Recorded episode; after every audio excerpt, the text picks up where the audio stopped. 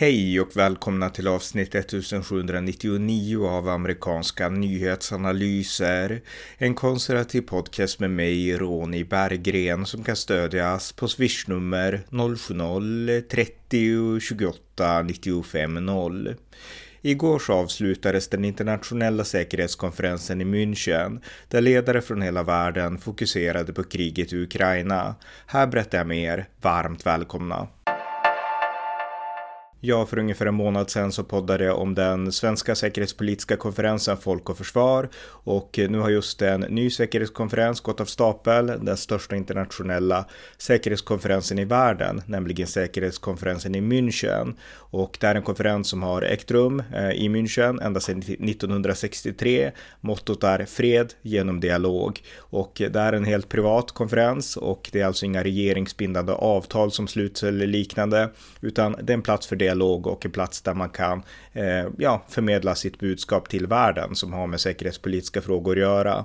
Och på årets konferens då, 2023, då var ju såklart helt fokus på Ukraina, kriget i Ukraina, den ryska invasionen och eh, många av Europas och världens viktiga ledare talade och alla fokuserade egentligen i princip på kriget i Ukraina. Storbritanniens premiärminister Rishi Sunak, han sa så här. Just this year we became the first country in the world to provide tanks to Ukraine, and the first to train pilots and Marines. We gave £2.3 billion last year, and we will match or exceed that in 2023. Now, other allies can tell a similar story, and our collective efforts are making a difference. But with every day that passes, Russian forces inflict yet more pain and suffering. Now, the only way to change that is for Ukraine to win. Därtill så talade också EU-chefen Josef Borrell och han påpekade att Ukraina har nu akuta behov av mer ammunition. Och eh, om det här inte blir löst snabbt så kommer Ukraina inte att kunna fortsätta försvara sig. Och eh, konsekvensen av det är ju att Ryssland vinner. Och det här budskapet är viktigt. Eh, alltså Ukraina måste få ammunition. Och väst har faktiskt misslyckats med att kunna kalkylera. Alltså det här kan inte varit svårt att räkna ut matematiskt hur mycket ammunition som går åt, åt vilka former av vapen som ammunitionen går åt och eh, vad man måste göra för att producera och liksom tillverka ny ammunition. Så att eh, här har ju väst, försvarsindustrin i väst, Europa och USA inte hängt med. Alltså här borde vi ha räknat ut i ett långt tidigare skede. Vad kan behövas? Nu måste vi rusta upp för att kunna eh, ge Ukraina den arsenal som behövs. Det verkar tydligen inte ha gjorts, så att nu är vi i ett akut krisläge där Ukraina behöver ammunition, någonting vi vet och har vetat under lång tid att Ukraina behövt. Så att nu gäller det verkligen att snabbt eh, se till att all byråkrati försvinner och att Europa ger och att USA ger och väst och världen såklart eh, den ammunition som finns. Den, den ammunition som kan finnas i lager, den ammunition som kan finnas fastlåst av byråkratiska liksom, processer allt det måste nu släppas fritt parallellt med att vi i väst sätter igång, bara kickstartar liksom eh, vapenindustrin så att vi kan få ammunition så att Ukraina får det de behöver och kan försvara sig själva. Det här är ju en ödesfråga och det är faktiskt pinsamt att vi inte har lyckats tänka på det här tidigare och planerat det, alltså politiker och beslutsfattare i ett tidigare skede. Eh, men det var eh, EUs utrikeschef och Josef Borrells maning till, till, till världen att nu behövs det snabbt ammunition till Ukraina och det var en väldigt viktig maning anser jag. Eh, Ukrainas president eh, Volodymyr Zelensky, han pratar också och han manade som han alltid gör om mer vapen. Han vill ha stridsvagnar och stridsflyg. Eh, jag skrev ju tillsammans med Dag Kirsebom en insändare i Aftonbladet i somras om att Sverige borde skicka eh, Gripenflyg till Ukraina. Det är någonting regeringen nu tyvärr har sagt nej till, men eh, eh, Ukraina måste rustas. De måste få eh, både ammunition och eh, eh, den militärutrustning som behövs för att verkligen driva Ryssland bakåt. Det här är liksom en ödesfråga. Eh, så att Europa och väst måste göra mer. Alltså vi bör vara tacksamma nu över att kriget pågår i Ukraina och inte i Europa. Så att eh, eh, vi verkar fortfarande inte ha vaknat upp för det riktiga allvaret skulle jag vilja säga. Men det var bara en liten sidoparentes då. Men många andra kom också in på det här, alltså att vi måste fortsätta stödja Ukraina till, till varje, varje pris. Eh, en person som var där, det var vår e-, egen statsminister Ulf Kristersson. Han talade på, ja, jag vet inte alla sammanhang han talade på, men han talade bland annat på ett forum som jag har sett på YouTube. Och där pratade han om Moldavien och Moldaviens väg in mot EU och han betonade något ganska viktigt, för Moldavien är ju i en krissituation. De gör nog allt för att ty sig mot väst och vi måste göra allt för att hjälpa dem att komma närmare oss. Och eh, Ulf Kristersson påpekade eh, på ett mycket intressant sätt att Ryssland försöker, det handlar inte bara om det här hårda militära hotet, utan de försöker göra allt för att obstruera så att till exempel Moldavien inte ska kunna leva upp till de krav som EU har för att kunna börja på liksom en process att få in Moldavien i EU. Så att eh, vi måste hjälpa Moldavien att nå upp till våra kriterier. Eh, så att jag tyckte att det var ett ganska intressant budskap av, av Ulf Kristersson. Och eh, vi kan spela det klippet här. I think it's important now. I mean, everybody can agree on the, the keywords merit based. Nobody disagrees on that because it's in a neutral way. It simply says you fulfill criteria, there are no shortcuts, you know, we take this seriously. Everybody agrees. Merit based, we recognize merits. We help where we see problems and don't accept the catch 22 kind of situation. I had a morning meeting with, with the Moldova president, Maya um, uh, Sandu, and I mean, obviously, they are, they are being attacked by Russian influence and interest not to be able to fulfill these uh, the obligations they try to fulfill uh, to be able to, to uh, to, uh, to have progress in the, in the EU membership candidate status. So we also have to invest in helping legitimate governments in being able to actually reach their goals, to be able to use the, uh, uh, the possibilities that EU membership actually uh, makes available. Många, många andra pratar också på konferensen såklart, men om jag fokuserar lite kort på USA-delegationen. Eh, dels så talade utrikesminister Antony Blinken och eh, en av de saker som stod i fokus för honom, det var inte bara Ryssland och Ukraina, utan det var också Kina. Eh, kinesiska eh, representanter, deras utrikesminister Wang Yi fanns där och eh, eh andra också. Och Eh, Eh, Anthony Blinken träffade dem och han förklarade då att eh, det här med ballongerna som har flugit över USA, det är helt oacceptabelt förklarade han. Och Anthony Blinken varnade också för att, eh, dels varnade han världen för att Kina kan komma att Eh, ge vapen till Ryssland. För det är inte bara Ukraina som börjar få brist på vapen, det är även Ryssland. Och de ska nu möjligtvis kunna få vapenleveranser från Kina. Det varnade Anthony Blinken världen för. Men han riktade också ett varningsfinger mot Kina i det här avseendet och sa att det var också oacceptabelt. Och att USA kan sätta hårt mot även i, i det sammanhanget. Så att en tydlig Anthony Blinken. Eh, en annan person som också var på plats, det var USAs vicepresident Kamala Harris. Eh, jag såg någonstans att hon tog ett foto tillsammans med sig själv själv, Ulf Kristersson och eh, någon till också som jag inte minns just nu. Men hon pratar i alla fall om att det finns nu tydliga bevis på att Ryssland har begått brott mot mänskligheten i Ukraina. Så här sa Kamala Harris. Think of the images of Busha. Civilians shot in cold blood. Their bodies left in the street. The jarring photograph of the man who was riding his bike Think of the four year old girl who the United Nations recently reported was sexually assaulted by a Russian soldier. A four year old child. Barbaric and inhumane. In the case of Russia's actions in Ukraine, we have examined the evidence. We know the legal standards.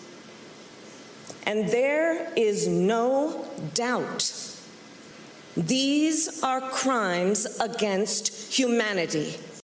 Och en annan amerikansk ledare som också talade på konferensen i München, det var senatens republikanske minoritetsledare Mitch McConnell. Och eh, han inledde sitt tal på ett intressant sätt, därför att han betonade att eh, han, han började med att säga att Let me start by saying I am a conservative republican from, from America and I come in peace reports about the death of a Republican support for strong American leadership in the world have been greatly exaggerated, eh, sa han då. Så att han sa helt enkelt att jag är republikan, jag kommer från USA i fred och eh, jag har hört ryktena om att eh, republikanerna inte skulle stödja ett starkt amerikanskt ledarskap i världen. Det är överdrivet, sa han. Och så fortsatte han att prata om vikten av en robust transatlantisk relation. Men det är då intressant att han behöver påpeka det här att ni behöver inte betvivla republikanernas liksom vilja att engagera USA i världen. Därför att det har ju funnits röster på den högerflygeln i, liksom, inom det republikanska partiet som har manat till ett tillbakadragande från världen tyvärr. Och vi har hört de här rösterna också som driver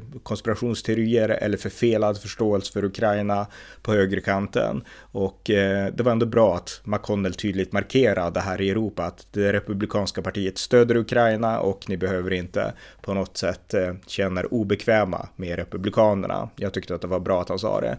Sen betonade han också, Mitch McConnell, att han vill se Sverige och Finland i NATO innan NATO-toppmötet i Vilnius nu i sommar då. Han sa så här, My friends, we need to welcome Finland and Sweden into the NATO alliance and we need to do it before the Wilderness summit this summer, sa Mitch McConnell. Så att eh, han påpekar ändå att eh, den transatlantiska relationen är stark eh, och den kommer att vara stark även under ett möjligt framtida republikanskt styre och han vill se Finland och Sverige i NATO. Och eh, NATO-frågan var ju såklart en av de viktiga frågorna som avhandlades i konferensen. Eh, Finland har i princip fått ja från Turkiet. Turkiet är ju den sista praktiska stora bromsklossen för både Finland och Sverige, men än mer för Sverige. Därför att nu verkar det som att Turkiet säger ja till Finland, men inte till Sverige. Och Finland har nu meddelat att man vill allra helst gå hand i hand med Sverige in i NATO. Men om det inte går, och just nu verkar det inte gå, så kommer Finland att gå vidare i alla fall, därför att Finland behöver NATO. Och eh, Sanna Marin sa så här på ett, eh, ett forum där då på säkerhetskonferensen. Do you expect to join NATO separately, or are you committed to trying to join it together with Sweden? When the war, war started uh, 24th of February last year, and now we're heading towards very sad uh, anniversary, one year anniversary of the war uh, just uh, next week, um, it was obvious that Finland will join NATO. It was obvious at the same day when uh, Russia attacked Ukraine. Uh, the Finnish mindset, uh, the most important thing for Fin Finnish people is to make sure that we are independent, we are secure, we have a sovereign country, we can make our own decisions. This is the number one uh, issue for Finnish people. And when Russia our neighbor attacked another neighbor, Ukraine, it was obvious that Finland will join NATO because that's the line, that's the only line that Russia wouldn't cross. So it's to do uh, with our security, it's to do with peace. It's an act of peace for Finland to join NATO. Uh, we have sent very clear message. We want to join together with Sweden at the same time. It's not only because we are good neighbors and good partners. It's all also to do with very uh, concrete matters. Uh, the security planning of NATO in the whole north. It's in interest of us, but it's also in the interest of NATO that Finland and Sweden will join simultaneously. And we have sent very clear signal and very clear message uh, to Turkey and also to Hungary that hasn't ratified yet that we want enter NATO together, and this is in the interest of everyone. Mm-hmm. So no change then, even if some country no, wants no to change. hold up. Of course, we cannot influence and affect how some country would ratify. It's their decision. But our uh, message is that we are uh, willing to join and we prefer and want to join together. Och eh, även om det inte riktigt finns någon splittring i den här frågan så är det inget snack om att Sverige helst vill att Finland ska vänta. Och Ulf Kristersson han gjorde också ett uttalande om att eh, om Finland går med före oss då kommer försvarssamarbetet att bli väldigt komplicerat mellan Finland och Sverige. Så att det var något slags, då så skriver de det så att det var Kristerssons sätt att försöka dra i handbromsen. Jag vet inte om jag skulle dela den bilden för jag tror att Kristersson anser också att eh, Finland måste fatta sitt eget beslut här. Men det här visar tyvärr att Sverige har inte drivit diplomatin smart nog och effektivt nog i förhållande till Turkiet för att NATO är en mellanstatlig organisation. Alla de här nu som var emot att vi gick med i NATO, de menade att vi kan inte gå med i en allians där vi är tillsammans med Turkiet, vi kan inte gå med. Alltså det var ju anti-NATO-rösterna som alltid har drivit på att NATO driver krig överallt. Men NATO är en försvarsallians och det är en mellanstatlig organisation. Man gör det man vill ingenting annat. Och det är exakt det som är kruxet nu. Det är mellanstatligt och det är därför just Turkiet har den makt som de har. Det är inte för att det är överstatligt utan för att det är mellanstatligt. Och eh, de som gnällde på NATO tidigare, nu fastnar de ju på liksom, nu har vi fastnat på grund av att NATO är just mellanstatligt. Så att eh, det här är en process som måste ha sin gång. NATO-länderna bör göra mer för att trycka på USA framför allt, men eh, Sverige har inte hanterat diplomatin bra, tyvärr. Och vi har fått någon slags sidodebatt om att det här handlar om att vi ska krypa för islamistiska diktaturer. Nej, det handlar om att vi ska vara diplomatiska i säkerhetspolitiken. Radikal islam och även Turkiets olika brott, det ska vi absolut inte kompromissa med. Men, eh, och speciellt inte på lång sikt. Men nu måste vi ändå vara pragmatiska för att komma med i NATO. Och alla de här rösterna som man har hört som har pratat om att vi måste ju liksom stå upp mot en diktatur. Eh, de hörde jag nästan aldrig, alltså när de då tänker på Turkiet, eh, pratar så för ett år sedan, för två år sedan eller för tre år sedan. Och deras intresse för mänskliga rättigheter i Turkiet har oftast varit ganska små. Så att de använder det här som ett skenande argument för att de är emot NATO. Det är viktigt, viktigt att förstå det när man följer den här debatten. Eh, vi ska vara extremt kritiska mot islamism, både i Sverige och utomlands. Jag är en tydlig liksom, anti-islamist, det vet ni alla. Och eh, Turkiet är jag ingen vän av. Jag har alltid varit emot turkiskt medlemskap i EU. Eh, jag är emot i, i princip eh, att Turkiet är med i NATO, men det är liksom, ehm, för de delar inte värdegrunden. NATOs värdegrund är i grund och botten en allians av demokratier, fungerande demokratier. Så att eh, det finns utrymme för att kritisera Turkiet, men eh, vi måste också driva diplomati och det är det som Finland har förstått, men Sverige inte har förstått. Så att Sverige har sig själv att skylla lite grann för att det går så trögt i den här processen. Men jag hoppas också, precis som Mitch McConnell, att Sverige och Finland ska få gå med i NATO i samband med toppmötet nu i sommar. Så att det här var några eh, axplock från den här säkerhetskonferensen. Jag har absolut inte sett allt, utan jag har bara sett somliga tal och vissa klipp och sådär och läst om, om vad som framlades på konferensen. Eh, det som händer nu i förhållande till kriget, för det är ju snart ett år sedan den ryska invasionen av Ukraina den 24 februari 2022. Eh, I praktiken så är det ju bara den, näst, den nya fasen, den senaste fasen av det här kriget. Alla ukrainare, de betonar ju att kriget bröt ut 2014 när Ryssland annekterade Krim. Så att eh, ja, eh, det beror på hur man ser det, men ändå ettårsdagen är snart här. Och eh, USAs president Joe Biden, han var ju i Polen förra året, där han varnade Ryssland, not one inch of NATO territory, sa han. Eh, nu ska han till Polen igen och han har rest dit idag till och med. Så att nu inleds besöket där då för att diskutera kriget i Ukraina och markera ettårsdagen av kriget och visa att NATO står enat, USA står bakom Europa och vi står bakom Ukraina. Så att stora internationella toppbesök i Europa har den här veckan präglats av. Så med det sagt så avrundar vi det här avsnittet.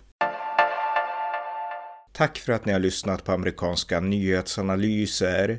En konservativ podcast som kan stödjas på swishnummer 070-30 28 95 0 eller via hemsidan usapool.blogspot.com på Paypal, Patreon eller bankkonto. Skänk om ni har möjlighet också en gåva till valfri Ukraina-hjälp. Allt gott tills nästa gång.